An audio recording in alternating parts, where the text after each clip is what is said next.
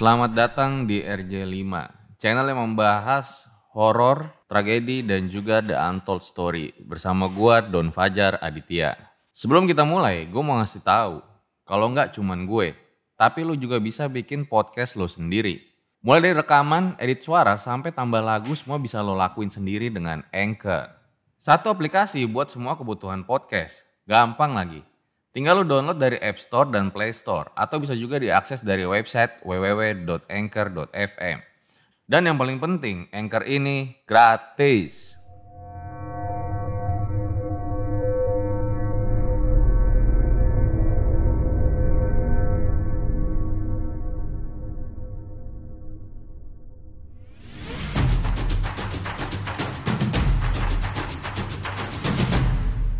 Kini Podcast Network.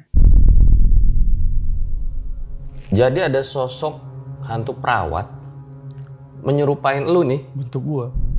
Ganti infus pasien. ganti infus pasien cairan infus pasien. Itu makanya langsung temen gue si Paijo tadi yang nelfon gua bener nggak lu yang ganti? Enggak ah, kan gue di Nesmida jam 5 udah di rumah. Sedangkan lu nelpon jam setengah tujuh. Lu jangan bercanda kata dia kata si Parjo. Pas gua tutup pintu nggak lama banyak kelabang. Itu dia yang gue sering temui itu kelabang-kelabang itu. Kelabang tapi pada mencar gitu. Nggak banyak sih cuma dua besar tapi. Pas saya lihat tempat saya nyiapin obat obatnya udah pecah semua.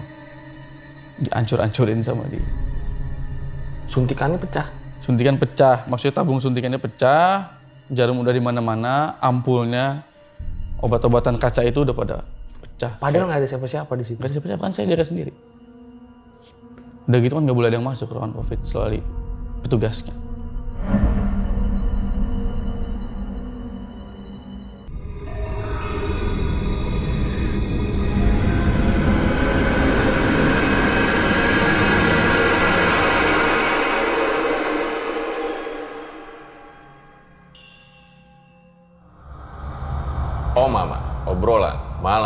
Kembali lagi bersama gue Fajar Ditya kali ini di Omama Season 4. Ketakutan terbesar adalah dirimu sendiri.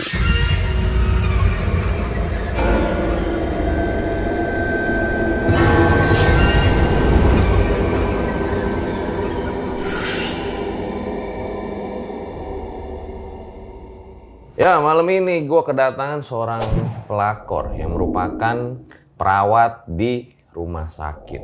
Tapi perawatnya ini bukan cewek, melainkan cowok guys. Langsung aja kita sapa. Selamat malam Bang Zindan. selamat malam Zindan apa Zidan? Zidan aja Zidan ya. Zidan Kenapa kok akhirnya memutuskan jadi perawat gitu? Nggak main bola? gitu? Oh, enggak. Mungkin keluarga kan semuanya kesehatan semua, jadi enggak enak. Karena basicnya kesehatan. Nah ini katanya perawat COVID ya? Iya. Khusus sempat, COVID? Sempat jadi perawat COVID. Oke, nah pada saat itu justru banyak mengalami kejadian horor. Banyak banget. Dan ada satu sosok perawat yang kerap mengganggu ya, Iya, menyerupai manusia katanya. betul. Menyerupai saya sendiri. So gue rasa langsung saja berikut adalah ceritanya.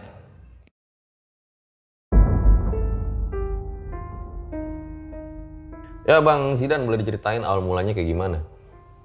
Pada awalnya di tahun 2022 bulan Februari itu ya, Bang. Gua di bulan ketiga kerja. Gua kan masuk di 2020. Di bulan ketiga kerja, gue dipercaya pindah ke ruangan COVID. Masuklah gue ke ruangan COVID besoknya. Nah, pada waktu itu gue masih buta sama COVID kayak gitu, gue nggak tahu apa-apa.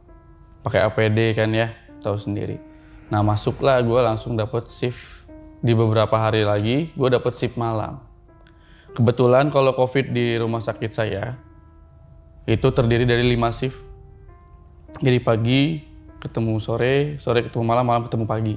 Kebetulan saya masuk shift jam 1 malam, 1 pagi sampai jam 7 pagi. Seperti biasalah, masuk ruangan saya berarti kan ruang isolasi, yang artinya nggak ada yang menungguin pasien, apalagi kalau COVID. Semuanya total care perawat yang ngurus. Terdiri dari 12 ruangan. Waktu itu zamannya Om Delta sama Omikron. Nah ini gue yang sering diganggu di eranya Omikron. Omikron ini pas bulan Februari 2022 kemarin. Masuklah, waktu itu pasien masih lima. Otomatis sisa ruangan yang ujung-ujung kosong dong mas ya. Oke, gue ganti APD masuk kerja, gue masuk.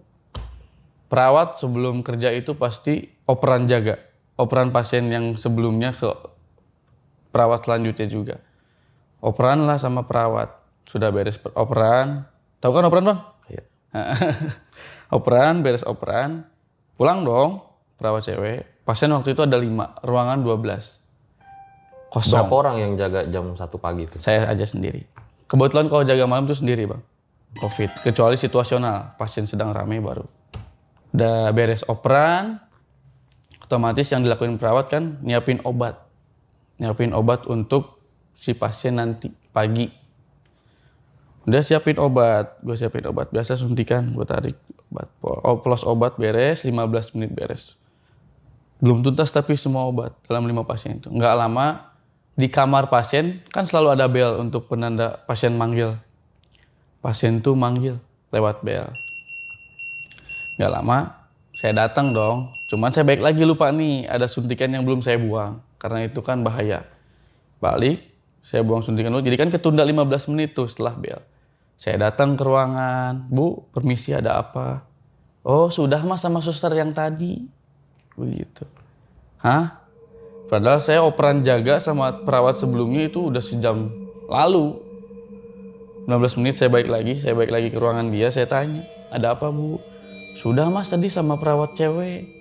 Cuman kok aneh ya, dia kok nggak pakai face shield, nggak pakai helm. Saya bilang ke perawat ceweknya, mbak nggak takut covid, saya kan covid. Ke perawat ceweknya bilang apa bu?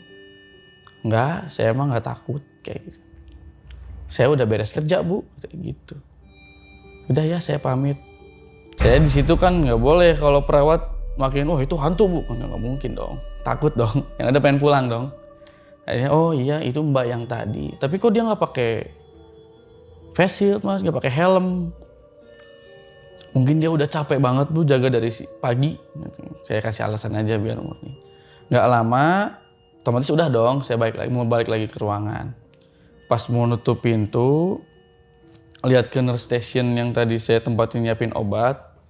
Gak lama itu kok ada yang nyiapin obat bentuknya wujudnya itu cewek nggak pakai baju perawat pakai hazmat cuman hazmatnya gimana ya? Kayak kusam banget ya kayak kain kafan lah gitu tapi bentuknya hazmat gitu ngebentuk.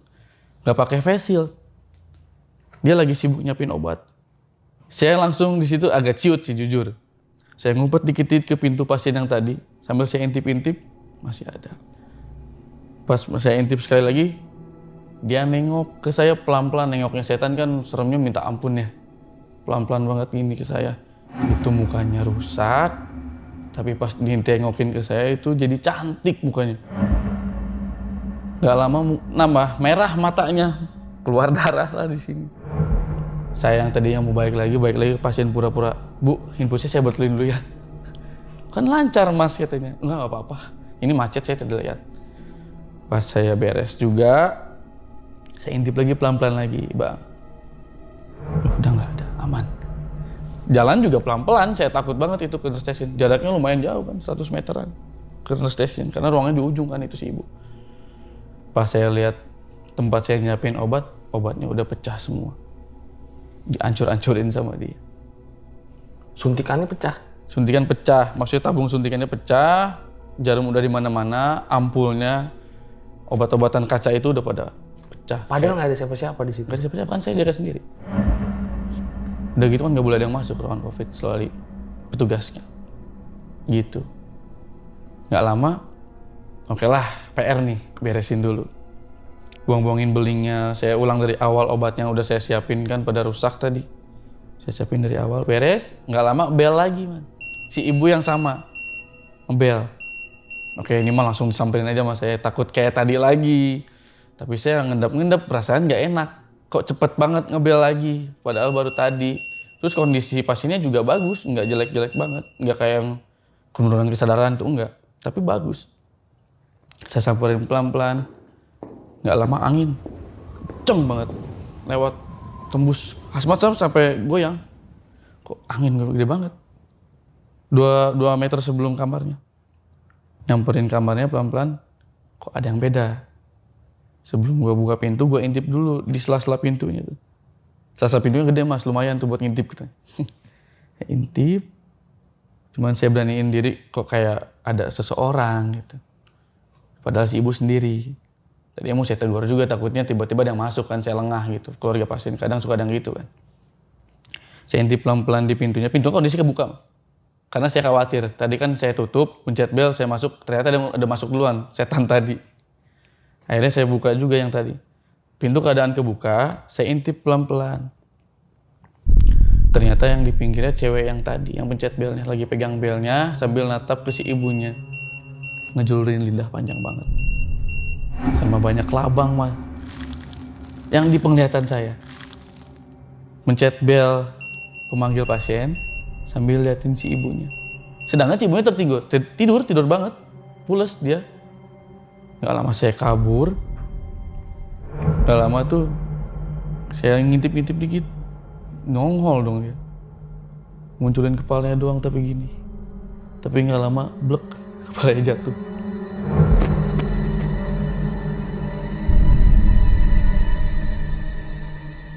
Selesai dari itu, udahlah saya positif thinking aja. Saya selalu gini aja. Kebetulan kan di ruangan ada komputer. Udah saya setel murotal aja. Biar aman aja hati. Tapi tetap aja nggak aman. Selang setelah itu, itu kan saya masuk jam satu, Jam satu pagi. Itu gangguan itu selama sejam itu. Jam satu sampai jam 2 itu. Itu nggak berhenti. Setelah jam 2 selesai, masuk alhamdulillah tuh jam setengah 4 suara-suara berkumandang tahrim kan udah ada ya udah aman matiin murotal nggak lama di belakang nurse station saya kan ada pintu darurat. Nanti saya tunjukin ya ada di HP pintu darurat tuh ada di belakang nurse station. Itu ada kaca di tengah-tengah pintu merah itu. Kaca tuh fungsi untuk ngintip atau apa gitu. Nggak ngerti itu saya buatnya. Nggak lama tuh ketok lah. Tek tek tek. Itu nggak lama dari jam satu tadi. Padahal lantai berapa? Nah, saya jelasin ulang. Ruang COVID itu ada connecting. Lantai satu sama lantai dua. Cuman di lantai satu tuh pasien-pasien yang kondisinya nggak terlalu buruk lah. Cuman yang di lantai dua ini di atas saya banget itu pasien-pasien yang notabene penurunan kesadaran, kayak yang udah hidupnya dekat lah maksudnya. Itu tuh connecting lewat tangga darurat. Jadi kalau perawat butuh sesuatu, butuh bantuan, itu lewat tangga darurat bisa ke atas. Tuh, itu di lantai duanya. Gak lama, ngetok-ketok lah, ada ngetok-ketok. Saya curiganya, wah teman saya. Saya bukain, benar teman saya, cuman tinggi besar. Saya tahu sih di rumah sakit saya itu ada satu orang yang tinggi besar, perawat juga. Emang kalau pakai hazmat tuh luar biasa gedenya. Cuman ini beda. A, saya panggil namanya lah. A, dia nggak gimana gimana noleh aja terus liatin saya saya liatin mukanya tapi nggak jelas. Namanya pakai hazmat kita sama-sama perawat tahu bentuk mata kenal lah. Tapi pas saya lihat kok matanya kayak hitam. Positive thinking saya. Mungkin capnya terlalu bawah APD-nya terlalu bawah jadi matanya nggak kelihatan. Ada apa kang? Kata saya. Masih diem juga ditanya bang. Ya kan jadi bingung ya. Tapi lama-lama dia kayak ngangguk gini. Ini cuman posisi dia gini nih berdirinya depan saya. Cuman di gini. Kayak bilang kenapa kang? Butuh apa? Ada yang habis di atas. Makanya gini. Nggak lama dia ngejulurin tangannya ngeliatin tangannya. Keadaan nggak pakai apa-apa ini berdarah banyak. Sontak saya kan bingung mau gimana? Ini elu apa bukan elu gitu? Temen gue apa bukan? Kan nggak mungkin nunjukin darah doang. Bela-belain ke bawah. Gak lama saya di situ saya sombral juga sih tutup pintu. Uh, bangsat lo karena saya udah tahu itu pasti yang ganggu juga. Udah saya tutup pintu akhirnya saya nelpon dong. Nggak kepikiran. Ah nelpon perawat atas deh. Mastiin itu iseng apa gimana. Kok nelpon pakai APD gimana? Ada HP ruangan. HP ruangan.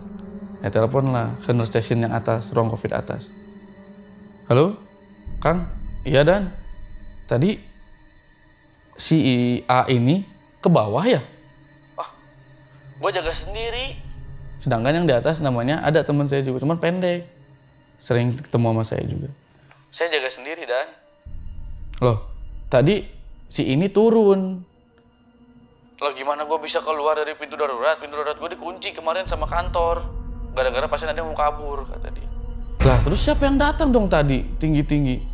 Si itu kali, kan si itu lagi libur. Kata si perawat tadi. Wah udah gak masuk akal. Matiin. Gak lama, bes aja. Bau, bau bangke. Bau bangke banget itu. Gak lama juga, untung udah ketemu pagi. Itu. Nah kalau yang di covid sih, itu aja sih yang paling serem. Itu pas pecah-pecah gitu sempet cek CCTV nggak penasaran? Nggak ada CCTV mas. Nggak ada. Nggak ada CCTV. Nah itu dia. Kalau cek CCTV kan enak. Ini benar orang apa bukan. Tapi dari sosok yang cewek berdarah mukanya sampai matanya. Itu sih kayaknya bukan. Nengoknya aja pelan banget gitu. Nah, gue dengar katanya lu masih banyak lagi pengalaman horor. Masih banyak lagi.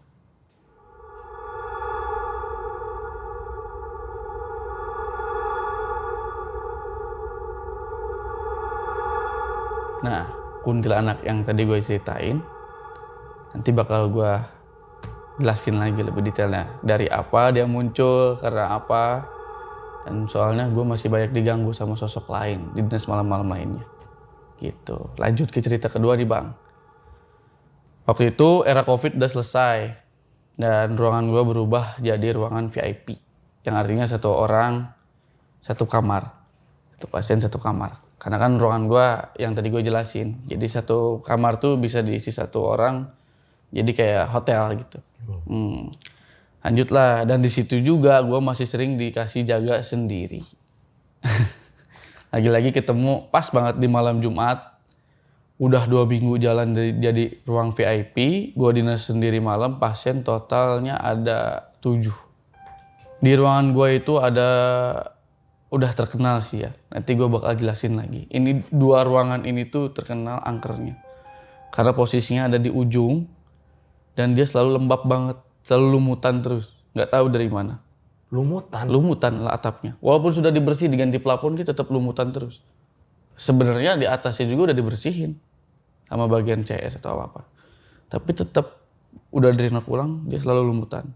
Nah makanya saya selalu jadiin ruangan itu tuh ruangan terakhir pasien lah. Udah mau penuh baru saya masukin ke situ. Karena kasihan selalu banyak gangguan emang di ruangan itu. Nah terjadilah pas gua udah mulai beres kerjaan, nyiapin obat selesai, gua niat buat istirahat. Dan nggak lama setelah gua ngerasa udah aman, gua mau ngampar lah. Itu istilah perawat kalau udah ini santai. Mau tiduran di lantai lah, apa-apa. Gak lama ada suara shower di ruang yang tadi gue jelasin.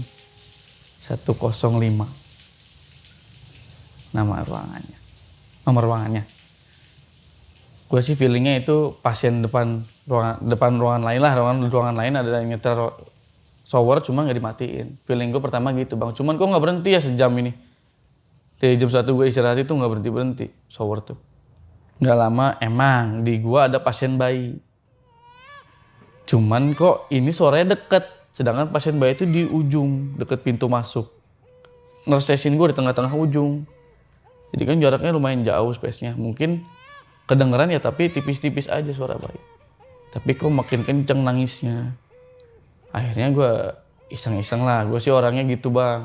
Jadi kalau ada apa-apa gangguan gue samperin. Udah amat. Yang penting udah nggak usah ganggu gue lagi. Ternyata diganggu terus.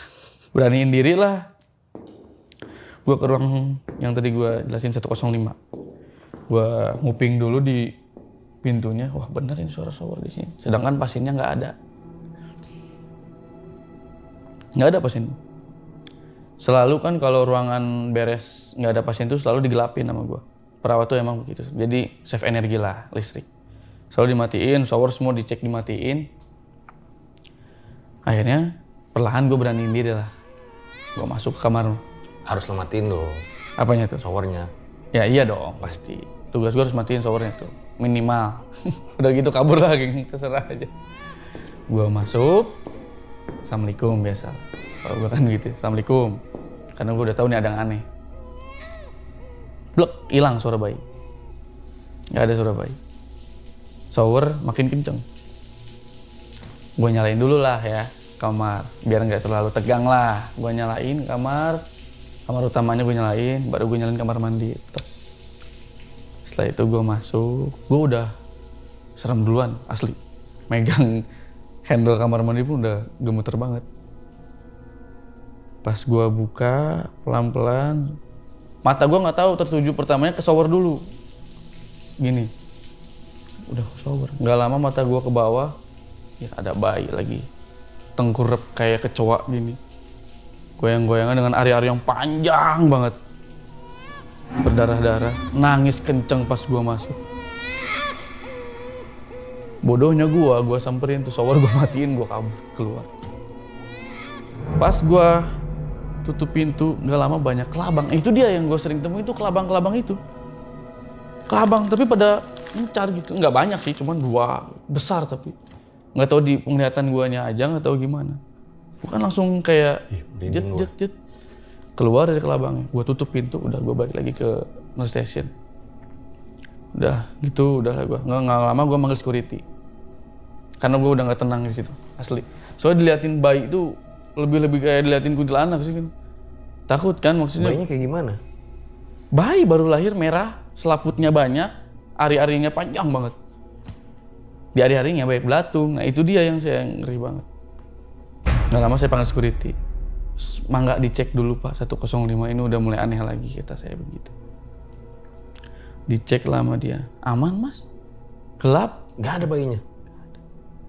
Bapak mah nggak percaya, kata saya dijelasin ke security. Tadi saya bla bla bla saya jelasin tadi. Nggak lama dia keluar sana, pintu 105-nya dibuka lebar sama orang dalam, nggak tahu sama siapa. Dibuka sama yang di dalam. Bentuknya kayak angin aja, zzz. Buka lebar. Security lihat, nggak jauh dia baru jalan, dibuka pintunya, dia lihat dia langsung kabur security juga. Nggak ada yang beres emang. Itu yang pertama. Lanjut nih bang, yang kedua. Ada lagi? Lanjut. Iya dong. Banyak banget bang.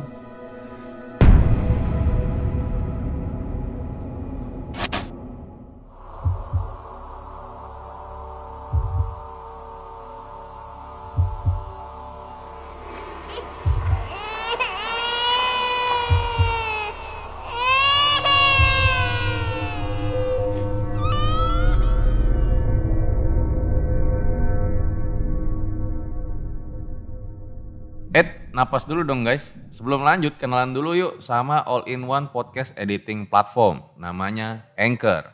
Anchor ini adalah aplikasi yang buat gue lebih mudah untuk rekaman, edit suara, tambah lagu. Pokoknya segala hal dalam pembuatan podcast yang lo dengerin ini. Jadi kalau lo mau bikin podcast lo sendiri, sekarang juga bisa. Caranya tinggal download dari App Store dan Play Store. Download Anchor sekarang juga.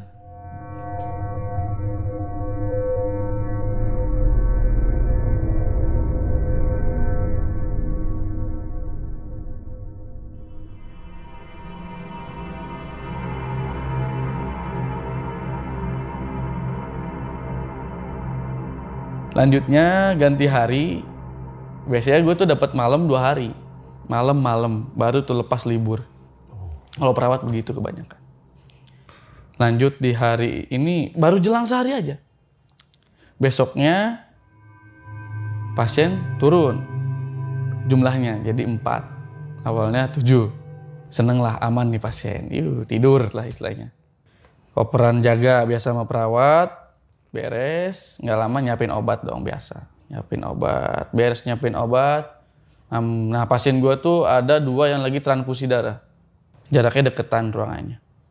Transfusi darahnya sudah habis gue ambil. Gue ganti cairan lagi biasa. Gue ambil gue buang. Kan di rumah sakit itu ada dua bak sampah ya. Bak sampah medis sama non medis non medis tuh yang biasalah sampah makanan. Kalau medis tuh kayak yang darah yang cairan tersentuh sama pasien, kain pasien kayak gitu. Akhirnya gue buang ke situ kan. Nggak lama gue banyak benerin infus orang, kan banyak darah juga yang masuk ke suntikan. Gue buang-buang ke sampah medis. Nggak lama, lagi-lagi jam 12. Jam 12 gue beresin dokumen pasien. Nggak ada angin, nggak ada hujan. Bak sampah medis yang isinya banyak darah banget, banyak cairan pasien kotor, jatuh kenceng banget. Brak aja. Lantak gue bingung dong. Ini gimana? Langsung kan lihat kanan kiri dulu. Takutnya tiba-tiba ada brek dia nampilin, nggak seneng atau gimana. Nggak lama, udahlah gue jalan. Gue inisiatif bersihin dong. Tapi di situ gue pakai bahasa Sunda kasar. Gue bilang gini, ah sia, hayang ngeragain doang. Beresin atau anjing gitu. Beresin dong. Jangan mau jatuhinnya doang kata. Kata gue gitu. PR tuh gue sejam. Bang, beresin darah, ngepel sendiri. Karena kan kalau di rumah sakit gue, kalau udah malam nggak ada cleaning service. Jadi total tuh sama perawat. Gue beresin darah. Ah udah bau amis lah. Nah itu berawal dari bau amis. Nggak lama ketemu pagi.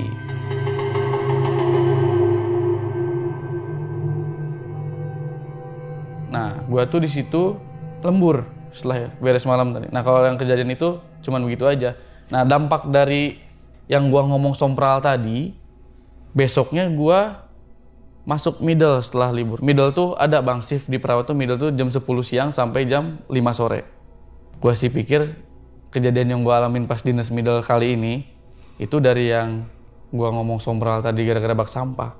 Nah, ini yang paling epic sih gua. Gue dinas middle udah beres jam 5 udah pulang. Ini beda hari ya. Jam 5 udah pulang, keadaan rumah gua 8 kilo lah dari rumah sakit. Jauh istilahnya. Nggak lama, di lantai 2 itu perawatnya nelpon.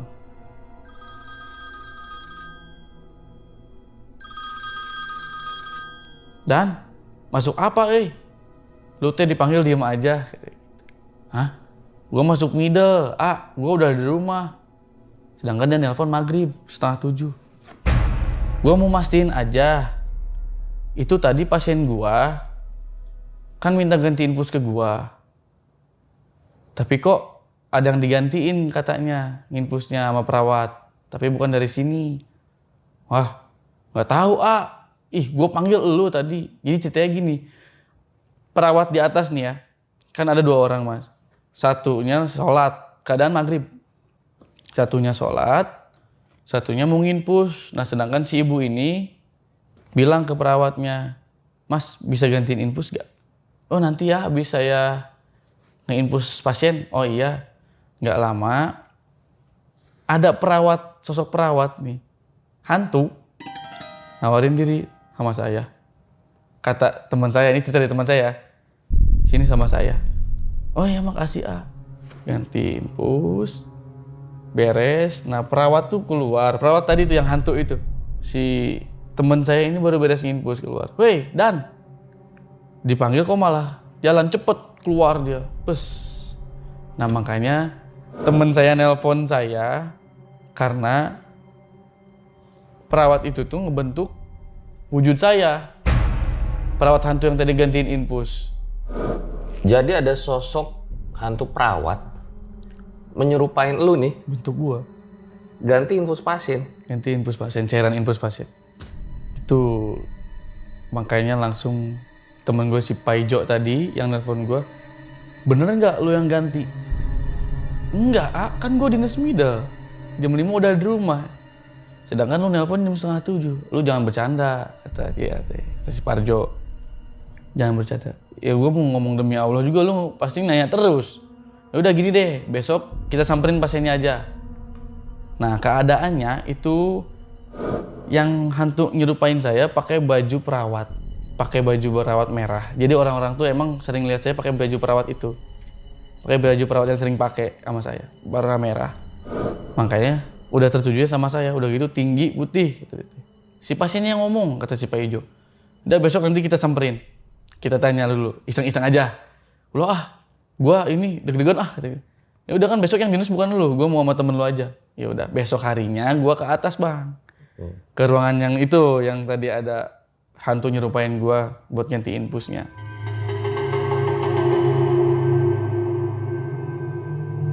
gua samperin pasien yang kemarin diganti infusnya. Gue tanya, temen gue yang nanya sih, Bu, bener ini yang kemarin ganti infus? Iya ini si AA-nya yang kemarin. Terus, oh iya, iya saya, nggak mungkin dong sebagai perawat, ih bukan saya, takut dong. Cuman gini, ah kok kemarin mah pucet gitu, kayak nggak enak badan, sakit, Hmm, gitu sih ibunya. Berarti kan emang bener itu hantu. Bukan saya kok pucet, pucet banget gitu sih ibunya. Terus gak lama ditanya sama saya, ditegur malah nggak nyaut, ah, sama sombong katanya. Malah langsung jalan. Dibilang makasih malah gini doang. Si hantunya. Gitu, nggak lama besoknya ada lagi. Besoknya ke ruang VIP yang di atas di lantai tiga. Itu ada cewek satu nanya, pure itu membentuk saya, pakai baju merah lagi. Lewatlah dia. Saya lah, saya, saya yang jadi hantu itu lewat. Jam berapa? Itu keadaan saya libur, cuman yang di atas lagi dinas sore, jam 5-an. Mau maghrib lah. Lewat katanya, gua panggil. Dan, ngomong banget lu. Oke. Hmm, itu doang. Lewat dia. Set, ternyata masuk ke pasien lagi. Masuk gitu mah. Ke pasien tuh nggak lama, cuma 10 menit, cuman jurung. Setelah itu dia nutup pintunya kencang banget. Lewat lagi perawat tadi. Ditegur dia mana lu dia pasien bukan? Lu kan gak dinas di sini. Malah gini lagi ke perawat yang tadi ngomong. Jalan lagi dia ke budak anglip. Gak lama keluarga pasiennya minta ngebel ke perawat itu. Mbak maaf, tadi ada perawat nawarin si bapak mandi. Pasien, ini ya keluarga pasien. Si mbak perawat tadi masuk kan langsung. Kenapa bu? Mbak, maaf tadi ada perawat cowok tinggi putih. Cuman dia nawarin si bapak mandi. Saya nggak enaknya dia nggak sopan langsung buka-buka baju. Terus bu, ya udah saya tolak. Pak kan masih sore, belum pagi, belum waktunya mandi. Lagi udah mandi kok. Malah kenceng megang si bapak, si perawatnya. Nggak lama tuh nengok ke si ibu dengan muka jahat katanya. Nengok, melotot gini, dilepas aja bajunya. Nggak lama dia keluar mbak. Ditutup pintu sekeras mungkin. Itu yang bikin saya nggak enak, kata pasiennya. Kan udah mulai jahat kalau udah gini dong. Udah beda sama yang sebelumnya. Sebelumnya kan ngebantu. Dan pas dijelasin sama pasiennya, hantu perawatnya mirip lu. Kan udah jelas si mbak perawat yang lihat gua. Itu elu. Terus gua mau iseng lagi main ke atas kalau udah gitu. Karena dikabarin di telepon. Ini udah jadi viral, maksudnya udah pada tahu. Udah gua ke atas. Bu maaf. Nah ini si masnya. Yang kemarin coba, bisa baik gak mas sama pasien? Saya kan langsung, ya maaf bu. Saya kemarin lagi nggak enak badan. Lagian kan mas kayaknya bukan jaga di sini deh. Saya tahu si pasiennya kan pinter kayaknya keluarga pasien. Ya saya mohon maaf. Ya tutup pintu. Si perawatnya, anjir lu. Udah dua kali lu kayak gini gitu. Yang nyerupain lu. nah, nggak lama dari itu kan baju merah saya itu yang sering saya pakai. Dipakai sama dia kali ya. Hilang mas. Saya dinas sekarang pakai baju biru. Hilang sampai sekarang nggak ketemu. Terakhir saya pakai tuh dipakai jaga mas ya. Terus ditaruh di gantungan pengganti APD gitu. Kan sebelum ganti APD saya buka dulu tuh baju merah. Sampai saya sampai sekarang nggak ketemu Ini pertama kalinya nih gue denger cerita hantu perawat yang nyerupain serem banget kayak gini nih. serius Iya karena berapa kali dia kan? iya itu dia yang gua Dan itunya langsung ke pasien gitu. Eh, yang awalnya baik ganti infus, tetesannya betul, obatnya betul. Kenapa jadi udah mulai ke yang jahat nih? Saya udah mulai resah di situ, Bang. Kenapa kalau yang buat kebaikan sih nggak apa-apa, mungkin saya ini. Yang nggak lama dari itu, ya udahlah, rame lah rumah sakit. Lihat saya tuh kayak nggak percaya aja sekarang. Ini bener lu, bener demi Allah ini gua. Jadi begitu aja sekarang. Jadi yang dinas-dinas tuh udah bohong. Beneran gua ini. Nah lu yang cerita lu bukan nih? Eh, gue ini udah pasti. Tapi hari-hari ini nggak ada sih, jadi nggak ada. Udah nggak tahu tuh, udah ngebentuk siapa lagi lah. Nggak ngerti.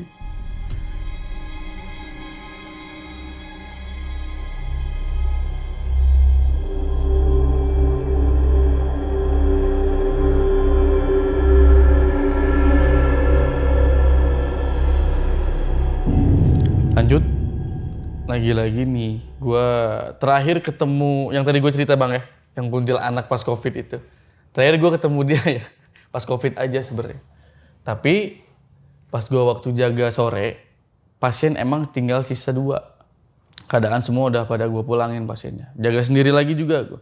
Kebanyakan gue cerita di sini yang jaga sendiri ya bang ya, karena jaga berdua tuh nggak pernah diganggu. Ya nggak lama, rencana gue mau ngemulangin satu pasien. Mau pulangin satu pasien lagi. Udah boleh pulang dari dokternya. Udah gue urus lah persyaratan semua. Ini lagi-lagi biang keroknya ruangan yang tadi. 105 tadi. 105 ini nggak lama belnya bunyi. Belnya bunyi. Bel ya, tahu kan buat nandain kita, wah pasien butuh bantuan. Gue lagi nyiapin. Nyiapin berkas pulang pasien, gue tunda dulu, gue tutup. Setelah itu gue samperin lah. Gue udah tahu bang, ruangan itu nggak ada pasien. Dan perawat-perawat di temen-temen gue udah tahu sama ruangan itu. Kalau nggak disamperin, sejarahnya katanya bakal terus ganggu. Sejarahnya yang gue denger dari sesepuh yang pernah, yang anak-anak angkatan pertama kerja di situ lah. Kalau nggak disamperin dia marah. Akhirnya gue beraniin diri aja, gue samperin, gue buka assalamualaikum. Gue nyalain lampu dulu biasa. Nggak lama ada kain batik. Logikanya, kalau pasien pulang pasti cleaning service tuh bersihin semua. Udah dong rata nggak ada apa-apa, kecuali alat-alat di situ. Nggak lama gue lihat ke bawah tuh ada kain batik panjang banget di bawah bed. Bed kan dibuka ada bawahnya tuh spray spray. Biasanya kan udah nggak ada apa-apa, tapi pas gue lihat pertamanya tuh nggak gue lihat, gue biasa fokusnya ke atas atas dulu, takut dia ada di langit-langit kan. Gak lama gue langsung lihat ke bawah ke kasur, kok kayak ber digituin sama dia. Kain batiknya kayak sengajain banget ber. Wish, udah sontak dong, bodoh lah ini baru kain aja. Gue ambil kainnya bang, gue buka dulu. Gue buka, pas gue tarik itu tangan tuh. Tangan bang, di bawah kasur itu tuh tangan. Gue lempar, gue tinggalin lagi. Gue tutup pintunya, bangsat. Nah itu dia gue jeleknya gue. Selalu ngomong kasar ujung-ujungnya. Setan lu udah tau, udah tahu setan kan, gue sebut setan juga. Gue udah bingung lagi di situ. Maghrib kondisinya bang. Emang kalau enaknya jaga sore itu masih bisa bantuan ke orang-orang. Cuman gue nggak gimana-gimana. Gue keluar, beresin yang pulang. Gak lama tuh yang pulang udah beres. Gue anterin pulang tuh, itu kewajiban itu. Anterin pulang ke bawah pakai kursi roda, otomatis ruangan kosong dong. Kosong kan? Setelah beres, gue balik lagi, pasien sisa. Tadi itu tiga, jadi tiga. Nambah lagi nih. Enggak, pulang satu kan. Tiga. Gue datang, pasien tuh semuanya tuh ada di bagian depan banget bang. Karena gue spesialin dulu yang paling depan. Gue masuk, pasien bilang, Mas, ini apa? Si Dede, pasien anak. Kenapa bu?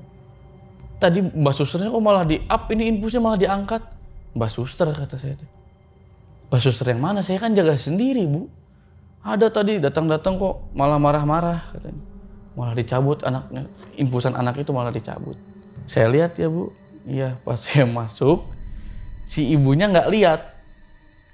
Cuman saya lihat langsung si kuntil anak yang mukanya rusak tadi, yang rambutnya cuma segini, itu lagi megangin tangan si anak itu.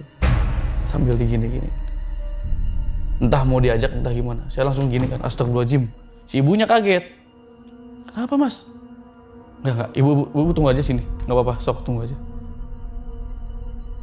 Tapi dia makin lama, kan anak pasien anak. Tangannya digini sama si kuntil anak. Dia sambil ngeliatin saya gini. Gak lama. Panik dong.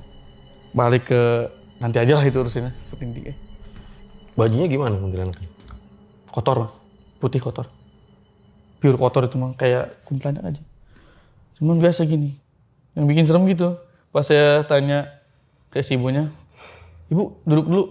Dia langsung nengok saya gini. Uh, Allah Akbar kata saya. teh. Cabut. Lihat. Nah, di situ di bawah monitor pasien di di bawah monitor pasien di bawah monitor nurse station saya tuh kayak ada gumpalan darah gumpalan darah. Kayak jeli gini maksudnya, ngerti nggak? Saya pegang-pegang, astagfirullah, apa lagi ini? Ya udah, saya nggak hiraukan. Gak lama 105 juga ngebel lagi. Ter, duh, kok bingung gimana ini? Capek gitu nggak? Diserang terus kayak kayak gini. Gak lama gue samperin, tok, assalamualaikum lampu masih nyala yang gue belum matiin tadi gue takut. Nggak lama gue masuk, itu kain batiknya yang tadi ada kain batik kusam ngegantung di bagian hordeng pasien. Jadi kayak minta dibuka gitu bang. Siapa yang berani ngebuka? Gue nggak berani bang di situ. Gak lama gue mikir, aduh ada apa lagi ini. Udahlah, itu maghrib bang. Padahal masih rame-rame ya. Cuman kayak gini loh, gue ngerasanya kayak gue dibawa di dunia dia ngerti nggak? Muter-muter di situ aja. Kayak nggak ada siapa-siapa. Padahal mah tinggal ngomong aja kan ke temen. Bantuin gue dong, temenin. Tapi situ mah enggak. Kayak gue tuh didorong terus. Akhirnya gue buka. Set. Hordeng yang ini kain batik yang pertama gue temuin tuh. Dilihat ya, lagi gendong anak. Kuntil anaknya, tapi tangannya satu nggak ada. Ini tuh udah daging-daging tuh. Liatin anaknya dulu, baru nggak lama lihat saya gini. Tawa.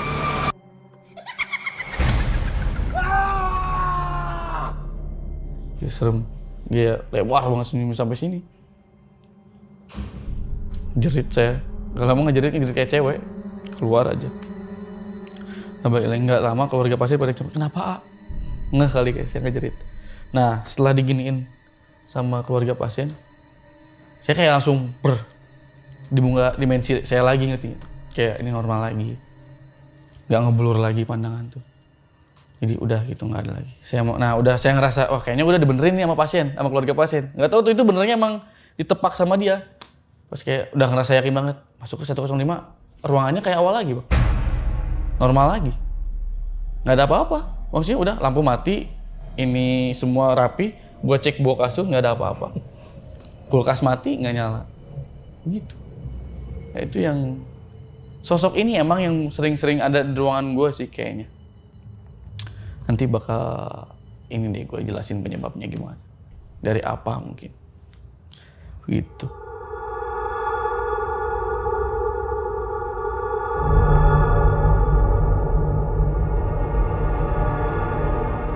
Intinya yang gue telaah dan gue banyak nanya ke sesepuh atau apa di rumah sakit gue tuh kenapa. Kalau yang dari yang gue tahu di awal tuh rumah sakit itu berdirinya udah nggak begitu lama juga sih bang. Udah 10 tahun.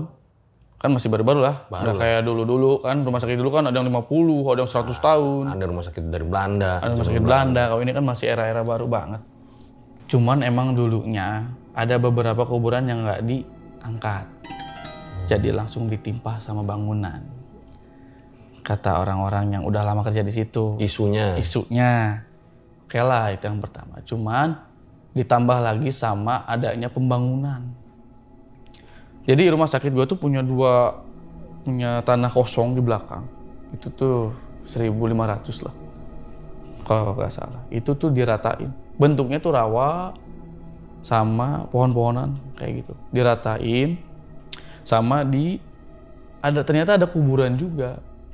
Yang istilahnya sama kulinya ditendet aja pakai mesin nggak tahu apa-apa udah aja diratain gitu. Yang penting bangunan diri nih gitu. Nah dari situ udah mulai banyak gangguan bukan di ruangan gua aja. Di IGD di ruang-ruang HCU kayak gitu udah banyak. Nah pertama kali diratain dua hari setelah diratain beres satu mesin ekskavatornya rusak. Nggak bisa dipakai lagi. Nggak lama ada pohon kelapa tiba-tiba rubuh. Nah itu udah mulai gangguan-gangguan yang nggak wajar tuh. Berawal dari situ. Nah nggak lama masuklah ke ruangan-ruangan rawat inap tuh yang hantu-hantu nih. Udah mulai pertama di ruangan HCU. HCU kan HCU itu ruangan yang bener-bener pasien antara selesai sama bagus lagi kondisinya. Pertama di situ. Nah kuntilanak ini tuh pertamanya ada di situ ternyata. Ada satu pasien yang dia tempel terus bang nggak lama dari itu pasien tuh yang dia tempel itu pindah ke ruangan gua yang VIP ternyata dia udah lama bang di situ dulu. Pasien itu nggak meninggal meninggal di HCU pindahlah ke gua. Sama meninggal meninggal cuma keadaannya udah koma. Ternyata emang dilihat sama orang yang bisa gitu. Ini ditempelin. Ini dia di- ditaruh gitu sama orang ini Menurut info yang lo dapet, jadi begitu. jadi begitu Awal mula kuntilanaknya. Iya. Sama kalau satu lagi si kuntilanak ini emang nggak bakal ke mana-mana. Udah ada yang bilang. Sifat dia tuh ngeganggu. Tapi udah sempet diusir. Tapi nggak bisa. Ya udahlah kayak itu mah jalan masing-masing aja kan. Yang saya tahu dari ceritanya begitu. Itu semen- semenjak pembangunan. Jadi dia ada lagi. Itu tempat dia dulu. Jadi udah dirusak, mungkin dihancurin. Ya udah, Terus kalau yang sebenarnya beda nih Bang Kuntil anak yang pertama, kalau kata gue ya wujudnya cuma yang kedua. Mau anak yang bayi ini yang sama sama yang pertama gue temuin. Gitu. Kuntilanak itu dua ini ada dua kan sosoknya. Sama, yang satu ngebentuk kayak perawat, suka tiba-tiba nyiapin obat, yang satu ngagetin doang sama gendong anak. Itu sih sama satu lagi itu yang kodam yang gue ngebentuk gua itu gue belum tahu ceritanya dari mana. Kayaknya sih gua tanya sama teman-teman sih sebelumnya ada nggak yang kayak gini? Gak ada. Baru lu yang dibentukin sama dia. Inti dari semuanya gara-gara banyaknya itu kuburan yang di tanah kosong tuh yang nggak dipindahin mungkin ya arwahnya jadi larinya ke rumah sakit semua. Ke ruangan-ruangan sama lagi ya kejam juga langsung diratain sama mesin gitu kan. Nggak pantas. Katanya isunya. Saya sih nggak tahu ngikutin aja. Mana ya? nggak tahu bener apa nggak enggak. tahu bener apa enggak kalau gue sih positif aja nggak mungkin sih kalau hal kayak gitu kayaknya ya. Ya gue mah ngikutin alurnya aja lah.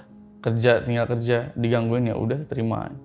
Tapi alhamdulillah akhir-akhir ini gue nggak pernah digangguin lagi sih. Jarang.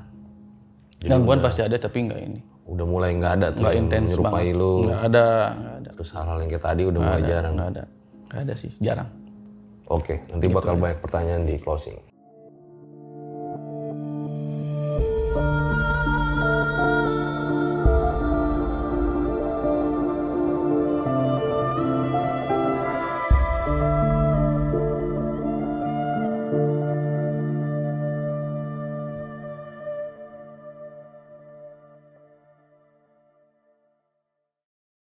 Itu dia guys sebuah kisah dari Bang Zidan ya. Gue agak suka kepleset jadi Jindan ya. jangan Ente kadang-kadang ente. Nah, di mana eh, ternyata cukup banyak nih pengalaman horor yang dialami sama Doi nih. Bang, ini mungkin orang pada nanya ya. Jadi perawat COVID itu kan pertimbangannya banyak dan luar biasa ya. Karena banyak juga pada akhirnya yang resign dan nggak mau ketika ditugaskan seperti itu. Kenapa lu akhirnya mau? Gimana ya? Mau aja lah pokoknya. Ya udah emang tugasnya begitu saya terima aja. Walaupun ada resikonya. ada resikonya saya juga sempat kena covid. Gitu sih. Udah terima aja lah namanya kerjaan mah. Dan terus gue juga denger-denger ya, katanya emang lu tuh sompral gitu. iya gue tuh sompral itu dia yang nggak bisa hilang dari gue makanya gue selalu digangguin. Apa jangan-jangan karena lu sompral jadi ada sosok menyerupai lu? emang gara-gara gue berarti? Enggak lah kayaknya yang sompral bukan saya doang banyak Oh banyak ada juga. juga temen gue Nah sosok yang menyerupai lu ini jadi banyak ya, banyak orang yang terlibat melihat pada saat itu. ya. iya banyak jadi banyak lah jadi gue ngerinya terus-terusan disangkanya gue palsu gitu padahal emang Tapi bukan lu jahil kan? Pasti ada yang bilang nih jangan-jangan lu aja Enggak, jahil. buktinya baju merah gua nggak ada. Anehnya ya, nggak tahu Lu itu isu diambil, gitu kan? nggak tahu diambil jadi gimana. Ya enggak sih. Enggak ya. Ya itu mah pure. Banyak kok yang saksinya juga yang tahu. Bahkan keluarga gue juga kaget. Tapi emang lu nya dari dulu-dulu memang bisa lihat hantu. Enggak. Semenjak almarhum bokap nggak ada, gue kayak bisa sensitif aja gitu. Bang. Baru setelah itu. Iya, bokap tuh meninggal 2013. Kayak bisa gitu, maksudnya anget, terus jadi beranian gitu. Dulu Sering lihat penampakan tapi. Kalau diliatin kalau udah bener-bener kerasa panas banget di badan. Beberapa kali pernah. Pernah. Sebelum yang di rumah sakit berarti. Pernah. Tapi ya itu ya intinya ya, apa pun kerjaannya pasti ada aja ya Resikonya. resikonya termasuk hal-hal hal kayak gitu Tapi lu nggak bakal takut kan dan bakal terus jadi perawat di situ kan. Terus Oke, makasih banget Bang Zidan ya udah bercerita di Makasih juga. RJ5. Thank you. Thank you juga. Nah, gue sebagai inspektur horor tragedi akan menyimpulkan kisah pada kali ini. Wah, gila sih.